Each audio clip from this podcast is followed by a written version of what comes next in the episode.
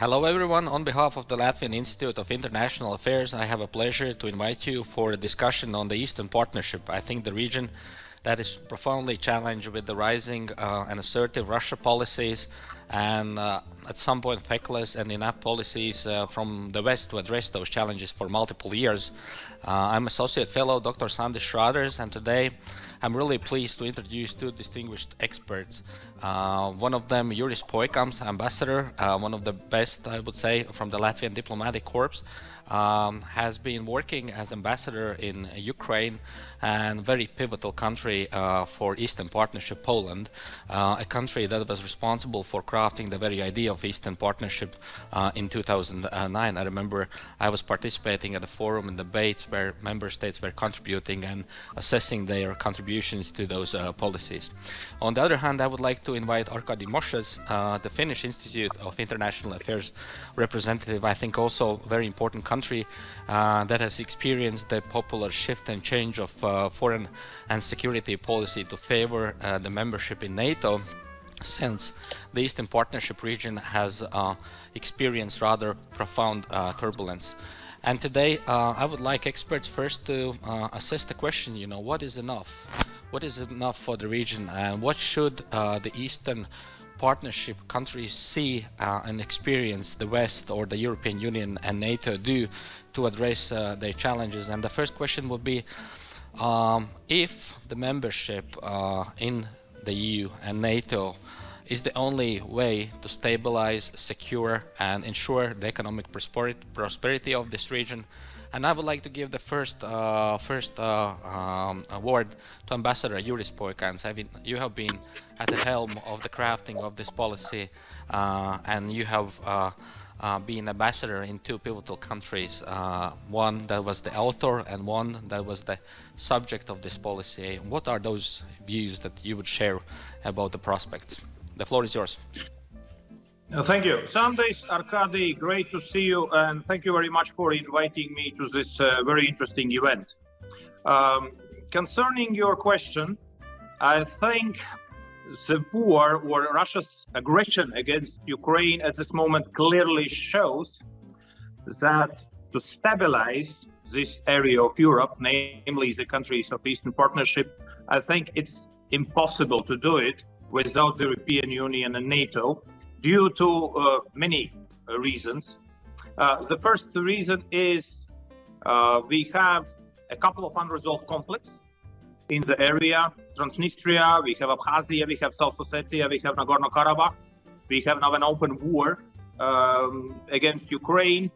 And um, I think without the European Union and NATO, without the active role played by both these institutions, I believe it's impossible uh, to stabilize uh, at first security situation in, in this area. The second is with every successive enlargement of the European Union, we are getting into the union countries which are in greater need of assistance. Uh, at first, we had 10 countries which joined, then we had Bulgaria and Romania. And I'm not only the ambassador to Poland, but a non resident ambassador also to Romania and Bulgaria. And I can see even the difference between Poland, uh, Romania, and Bulgaria. Uh, so if we look at the countries, for example, like Moldova, and also the countries of Western Balkans here, let's say Serbia, North Macedonia, Georgia, they are even in greater need of both political and financial assistance. So as a result, it's impossible to do it without the European Union and NATO. The third is uh, for these countries to change, you must implement very serious reforms. And I think it's extremely easy to say that you must be compatible with some kind of EU standards without providing adequate financing, financing to implementing these reforms. Um, as a result, again, this, this is impossible to do it uh, without the European Union and NATO.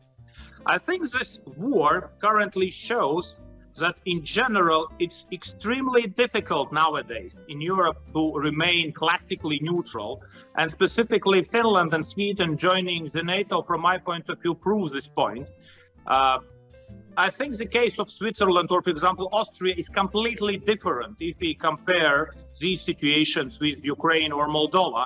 So, due to these many reasons, from my point of view, if you want to have stability, prosperity It's impossible to do it without the European Union and NATO. On the other hand, and this is my last point, I will be very happy to uh, listen, Arkady. I think the European Union has realized that it needs these countries too. Uh, this war has changed some dynamics in the mind of some Western uh, European leaders as well. We hear the statement by Chancellor Scholz, uh, where he says that he sees the future of Ukraine within the European Union, something completely unimaginable before February 24. We see the start of accession negotiations with North Macedonia, Albania, something again what was not uh, possible before February 24. So for the European Union, probably there are the same arguments why to accept these countries into the European Union and NATO. The first, it's again about stability. Uh, without the EU cloud, it's um, impossible to imagine the existence of Bosnia Herzegovina. It's impossible to imagine uh, the resolution of these frozen conflicts when it comes uh, to Moldova and Georgia. And it's also the initial plan of the Eastern Partnership was about building the zone of prosperity. Uh, I think if we want to have at first stability in our immediate neighborhood, so it will open up some new ways also for prosperity for this region, which will benefit the European Union at the, in, at the end of the day. So, from my point of view, this is some kind of two-fold track where both uh, the Eastern Partnership countries have an interest, not all of them, obviously, but at least three of them have an interest. And at the same time, from my point of view, the European Union has realized that in order to complete the vision of Europe and free, there is no other option but to accept these countries as a part of the European Union in the future. Thank you very much, Ambassador Poikāns. And uh, uh, I think your ideas are very interesting. And at some point, you know, you outline and emphasize the reciprocal interest that we share, uh, us, the Western European countries, or those who enjoy the memberships in the EU and NATO, and those who who are aspiring to become the members. and from the perspective of the Baltic, states, uh, Baltic states, I, I think these security challenges with Ukraine uh, have finally transformed and put the end of to the neutrality ghetto of uh, Scandinavia. And finally, we are happy here in the Baltics to see Sweden and Finland uh, willing to join uh, NATO, uh, our common uh, transatlantic security alliance. Um, therefore, I would like to ask Arkady Moshes, do you really see that the, the European Union and NATO could bring stability, security, and, and welfare uh, to the Eastern Partnership region and transform it in a way that uh, uh, was possible or probably was the objective for the Eastern Partnership policy? The floor is yours. I think uh, without the consolidated policy of the West, primarily maybe targeted and, and channeled through the organizations like NATO and the European Union, it would be impossible to, to expect uh, positive results. But of course, we have to understand a number of things. One is that there is no region here. The eastern neighborhood is not a region, it's not an entity uh, with internal cohesion. It's a group of countries put into this group somewhat mechanically already at the moment of the inception of the Eastern Partnership Initiative basically based on geographical criteria and also on the criteria of their former belonging to the former Soviet Union. Otherwise, the six countries that we are talking about are too diverse. Why does that matter? That matters because some of them do not want to be members of the European Union and NATO. Take Azerbaijan.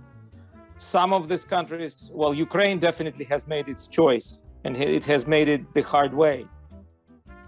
Moldova and Georgia say that they have made the choice, but there are still lots of questions whether it's really so. But okay, let's imagine it is so. Belarus is also is only yet about to make a choice because it's a country which is well basically divided inside of itself. Armenia is also is about or will have to will probably make this choice at some point in future but the future is so distant that it will depend on too many things that will have happened in between. So, I mean, the fact that the region is so diverse implies that different policies will be required. So, uh, membership is not a necessity for all of these countries. It simply will not be achievable because the EU countries, many member states, will not be ready to provide it, to grant it, to offer it. And because the candidate, the potential candidate or partner countries will not be willing to demand it. But the policy, a strategic policy, is definitely required.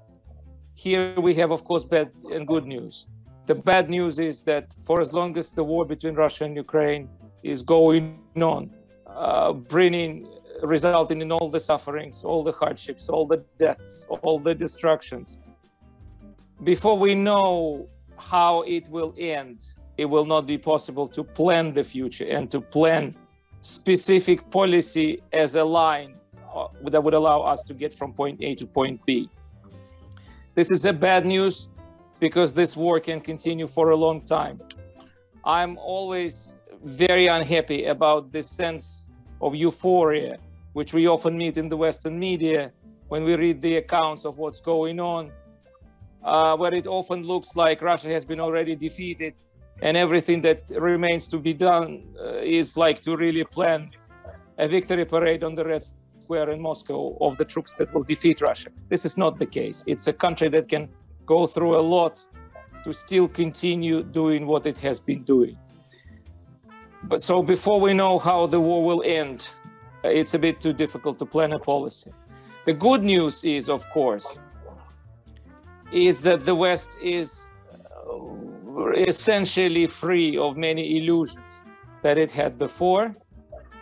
Uh, it's no longer dodging a conflict with Russia. It's no longer giving Russia the final say in defining the future of this of this region. This is a new thing, and this is important. Uh, and of course, we have a formal emanation of this change of approaches, which is the promise of the EU membership for Ukraine and Moldova, which is a, which is a very serious shift in Western policy. But what remains to be done is, of course, you mentioned the Eastern Partnership, and this is exactly the question. So when I'm talking about the strate- a strategic policy, that policy would have nothing to do with the current organizational form of that policy, which is still the initiative of the, of the Eastern Partnership, which treats the region almost as one size fits all. Okay, that's been improved somewhat, but not completely. But furthermore, it still operates with categories which are from the previous historical epoch connectivity, resilience, uh, all these nice sounding words, uh, which half of the people of the addressees do not understand, and the other half rejects because they want something much bigger. So, to make a long story short, a policy is required and it has to be a totally new, totally new policy, which would take into account the individual character of each and every Eastern neighborhood country, individual needs, and the realistic possibilities of achieving different levels of stability, security, and regional integration uh, between them. I'll stop here for now. Thank you very much. So uh, we should we can conclude the Eastern Partnership as a region has been artificial. Uh, Russia shouldn't have any say uh, when it comes to any policies by the West uh, as it had before because Europe and the West has always treated Eastern partners differently. You have to do something in order to achieve something with the European Union. I think only with Russia we have been really patient. Let's trade and see how Russia is becoming a democracy. We can see where uh, it has led us now. So we can conclude the Eastern Partnership has failed to achieve its results and is basically dead. So, what are the countries in Europe or the West that could lead the novel approach or the defined approach for the uh, policy that would define those diversified relationships? And I like uh, what Arkady Timoshes emphasized different levels of security and different levels of prosperity vis-a-vis different countries. So, both Belarus and, and, and Ukraine should be treated equally. Um, um, according to its stance and interest to cooperate with the with the European Union and what could be the dialogue should Europe listen at the eastern partners or some European countries should lead a policy and make an offer to those countries. What would be your view? And since Juris Poikāns is covering broader region, residing in Poland, covering uh, broader region uh, on behalf of Latvia, maybe you could start uh, with this broad, broad approach to go uh, a bit narrow uh, when I'll give a floor to Arkady Moshes. Uh, I completely agree with Arkady that these are six very different countries. Uh, who are united uh, maybe by the fact that they have been a part of the Russian Empire and the Soviet Union. But if you look what is common between Moldova and Azerbaijan, you find at the end of the day very, very little. Plus, two out of uh, six uh, countries are into open war, namely Armenia and Azerbaijan. But the fact that the European Union uh, was making such kind of a combination of these countries, it's, it's, it's also, I would say, for big players like for the United States, for China, it's a bit a similar problem. So um, the European Union was identifying these countries as six partners, actually probably not at the end of the day fully realizing how different uh, they are. Uh, so it's true that all six countries in a way have six different ambitions when it comes to the European Union. It was very visible also during the Latvian presidency in 2015. Uh, and each uh, country had its own ideas uh, when it comes to this partnership. Uh, Moldova, Georgia, and Ukraine saw it as some kind of, let's say, trampoline um, to, to jump towards the European Union. While for Belarus, Armenia, and Azerbaijan, it was a platform of negotiations between the European Union and the respective countries. Uh, so the European Union probably was overemphasizing this unity. So from my point of view, number one is uh, we have always talked about the principle of differentiation. I think it was very artificial to deny membership perspective for those countries which are willing to join the European Union. And I agree uh, with, with Arkady. It's very clear when it comes to Ukraine now. Um, it's sometimes not so clear, but at least clear now with Moldova, and it used to be clear with Georgia. So you have three countries which uh, see their destiny within the European Union. And there are three countries, it's also true they don't share this ambition. And when it comes to Belarus, actually, they are de facto not anymore a part of the Eastern Partnership. So, and I think number one is its differentiation. So we must listen to the partners to their priorities. Obviously, our aim shouldn't be artificially include any countries of the Eastern Partnership into the European Union. If Armenia and Azerbaijan don't want to be a part of the European Union, this is fine. And we respect their free and sovereign choice because we were we were always telling if we want to build Europe whole and free, it shouldn't be about spheres of influences. It should be about really the ability of every European country to join any any alliances. So this is number one. The second, uh, obviously, the European Union is a very complex entity, and I think yes, I agree with Arkady. We have some serious changes when it comes into the thinking of Western politicians, but at the same time, I believe uh, we have one problem, which has definitely not disappeared, is that we still perceive these countries in Europe seas from different national perspectives. And it's also true that, for example, for countries like Latvia, Poland, Lithuania, probably the countries of Mediterranean will not be a crucial priority. It will be the countries of Eastern Partnership. And it's equally true for countries like Portugal and Spain, who will have another priorities. So any decision when we come to the European Union, it should be a consensual based decision. There should be some kind of leading players, and, and we are we are trying to lead. It's Poland, it's the Baltics, it's Czech Republic, Slovakia, those countries who see a greater engagement of the countries of Eastern Partnership in the European Union. But as it's a consensual organization, we must have acceptance on, uh, at the end of the day, of all uh, countries of the European Union. Uh, so I think a big step has been done recognizing explicitly the European perspective. We have some uh, demands already put by the European Union, I think seven points when it comes uh, for, for Ukraine to start accession negotiations.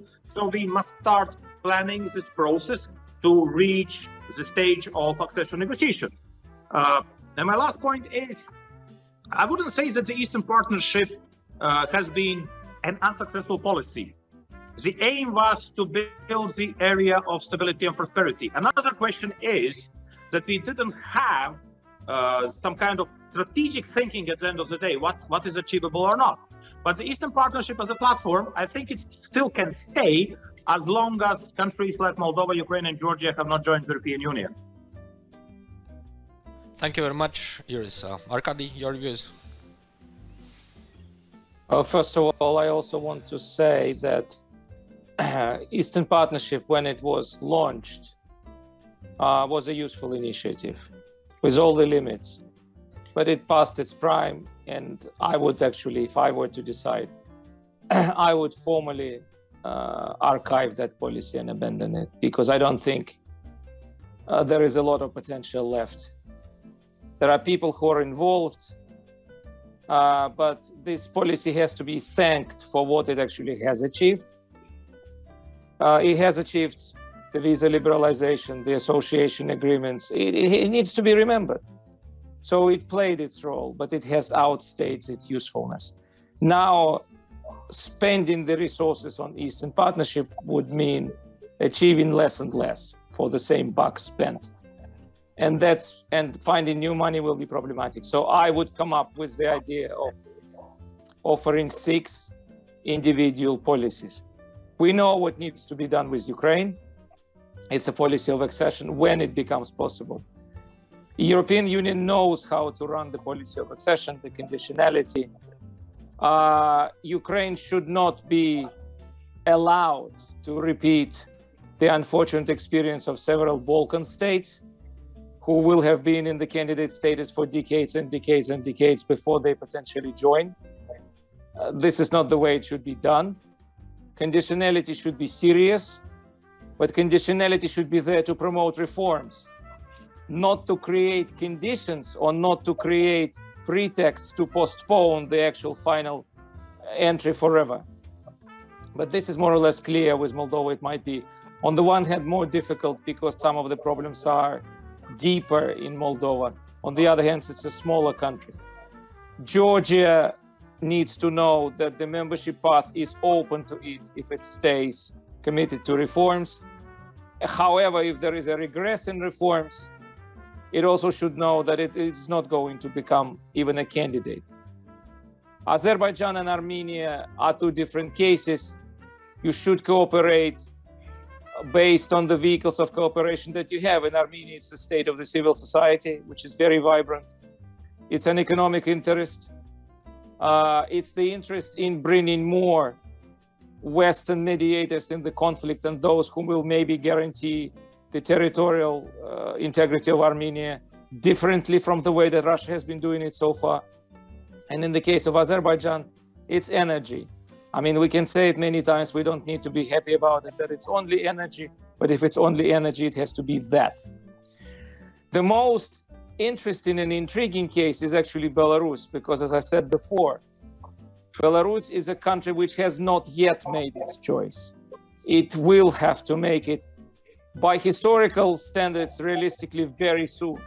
We are talking maybe years, but not decades because the, the reign and the rule of Mr. Lukashenko will come to an end, I'm certain, sooner rather than later, because of the structural crisis uh, that his rule is driving the country further deeper and deeper into.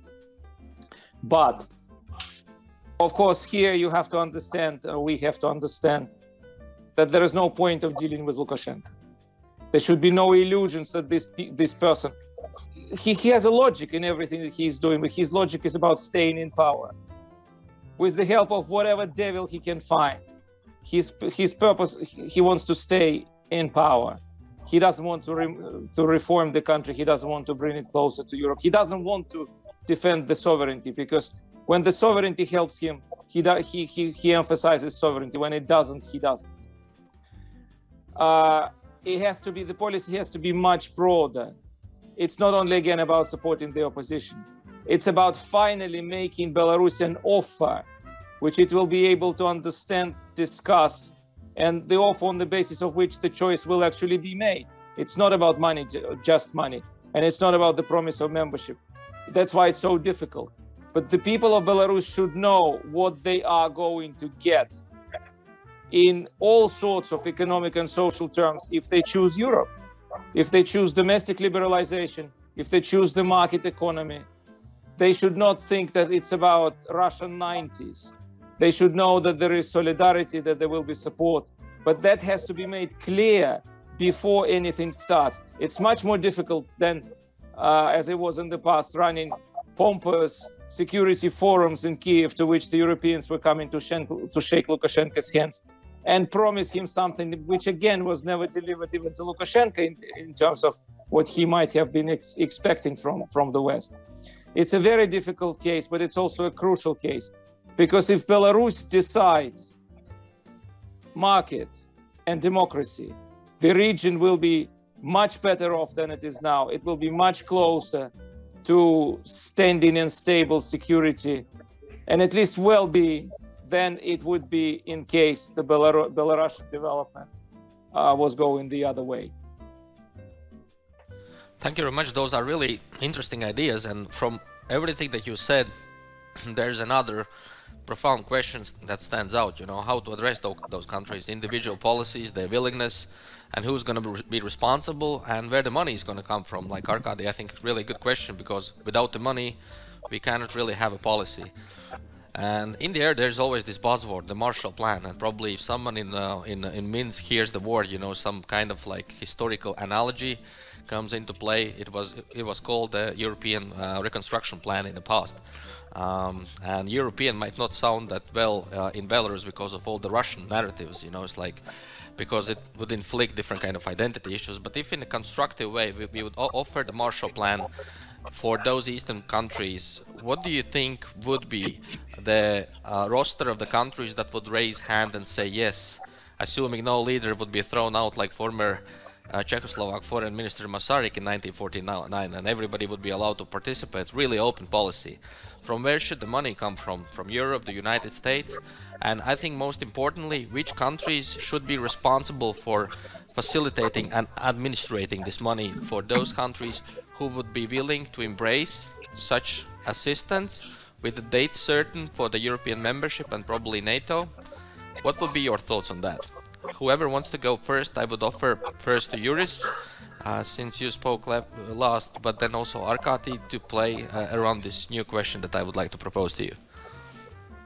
I think when it comes to accession negotiations, I absolutely agree with Arkady. Uh, we have a great deal of experience when it comes to the European Union, and I think the key uh, the key challenge here is not just to postpone indefinitely, let's say, this accession process. And it's also true not only for Ukraine and Moldova, but it's also true for North Macedonia and Albania. So it should be very clear criteria and conditionality. So we don't need to invent uh, a new wheel here. So when it comes, second, when it comes to the Marshall Plan, uh, there are many plans already elaborated. One is, for example, by GMF. There is another plan uh, made by the Swedish Institute of uh, Economics on, on the needs, let's say, of the Ukrainian economy, and, and, and different discussions who would coordinate, let's say, this assistance, be G7. Uh, from my point of view, maybe logical, it would be the European Commission. Uh, but okay, this is a question uh, upon discussion. I would say when you see nowadays the most active countries maybe in, in, in, in supporting post-war reconstruction, you see a clear role by Poland and you see also a very big role by Germany.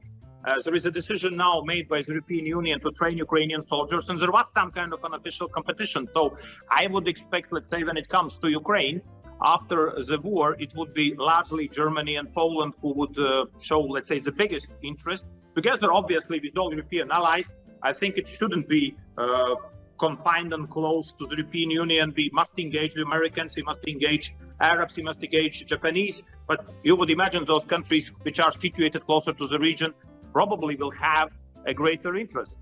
Uh, when it comes to uh, Belarus, um, uh, I absolutely agree with Arkady. Uh, I think um, changes will be rather sooner than later. And I would imagine at the end of the day the return of Belarus to the European family of democracy as a nation, and then it then it comes, let's say, to the future priorities of the Belarusian government. It should be decided both by the nation and, and, and the new government.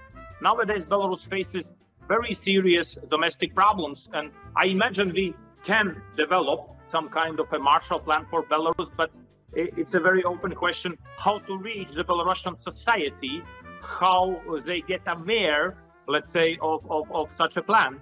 Uh, from my point of view, we must wait for some domestic changes in Belarus itself, and then we must envisage a plan which would, would offer clear opportunities, let's say, for the Belarusian state. Uh, uh, so I don't see what we can do anything else because we have discussed it and we have uh, imposed a very different kind of sanctions when it comes to, to Belarus, but as we see, the regime is, is still surviving. Thank you very much, Juris. Arkady? Uh, money is, of course, a crucial question, but it's not the first question. Because at the initial stage, when you're talking about a country like Belarus, potentially like Armenia, like Georgia, we are not talking hundreds of billions of dollars. We're talking about relatively small money compared to everything Europe has spent just in the last 10 years on, on the economy, on helping some of the big economies of the Union. It's not about that. It's about commitment of European politicians, which in turn requires from them a certain vision, which again is linked to the answer of one question where do they want to go? Do they understand that to have Belarus in the family of uh, like-minded democratic nations is actually is really is in the interest of Europe? Uh, many will say yes. Some will say we are not convinced. It's the same people who have been running the reset policy in relations bet- between the, the West and Lukashenko in 2015, 2020. I mean, tons of arguments have been written to warn the people that this was a wrong policy, that they were not going to overpay what Russia was paying him, that he was not going to change his convictions because he has convictions, uh, which are dictatorial, but they're nevertheless convictions.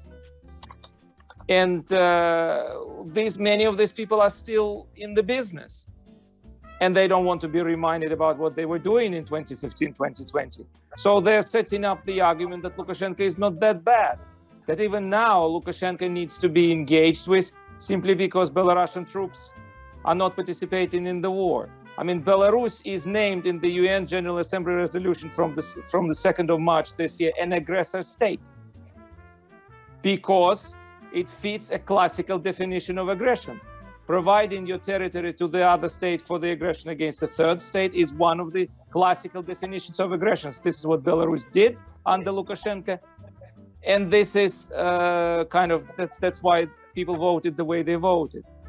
But these European politicians and other people are still talking that he has not crossed the red lines, and so on and so forth. I don't want to go too too much discussing details. My point is that they don't have a vision that why don't they have a vision? Because they actually were not that uncomfortable. It's part of the larger problem. They were not that uncomfortable with the world they lived in before COVID. They would want to return to the world before COVID. They have a difficulty to admit that this is not possible. Uh, and because they themselves do not have these convictions, they're not even trying to convince the electorate in their own country. So, of course, somebody needs to talk to those people, for instance, in Eastern Germany or in Rome, for that matter, who come to these multi thousand demonstrations against the current Western policies on Russia. These people will be happy to come and demonstrate against the potential policy of integration of the Eastern neighborhood. Uh, this is difficult, this is sad, but this is a real problem. This needs to be addressed before you actually come up with a plan of how much and on which project you're going to spend or maybe at least in parallel, there has to be a vision why to do things differently is not only wise, but necessary for the European Union. We should address these issues first. And after we have addressed those, we will understand that money is actually not an issue. As we're now seeing that the money spent on the support of Ukraine is not that much of an issue. It's part of an, partly an issue, but it's not that much of an issue. Imagine the same amount of money would be required for Ukraine a year ago. It definitely would have never been found. But now, on a monthly basis, new installments are coming because the issue is about understanding why something that is to be done is important. Thank you very much, Arkady. I would ju- I, I would like to uh, wrap up this uh, in in a nutshell, as I understand about the Eastern Partnership, which is no longer as it was. It was inefficient, and now it's pretty much dead and we can see the money cannot buy security, uh, stability, and economic wealth uh, in Ukraine. First, we should come up with a vision and ideas that should come from Central Eastern Europe, from your points, because Italy or, or Spain is less interested in the neighborhood that stands to the east from the European Union, and some countries might be willing to embrace the same stability, values, and security as us, and we as humans should provide it to them. So thank you very much, uh, Ambassador Juris Poikāns, residing in Poland but covering Romania and Bulgaria, and Arkady Moshes from the Finnish Institute of International Affairs. On behalf of Latvian Institute of International Affairs, I would like to thank you for joining this discussion. I think it was really interesting.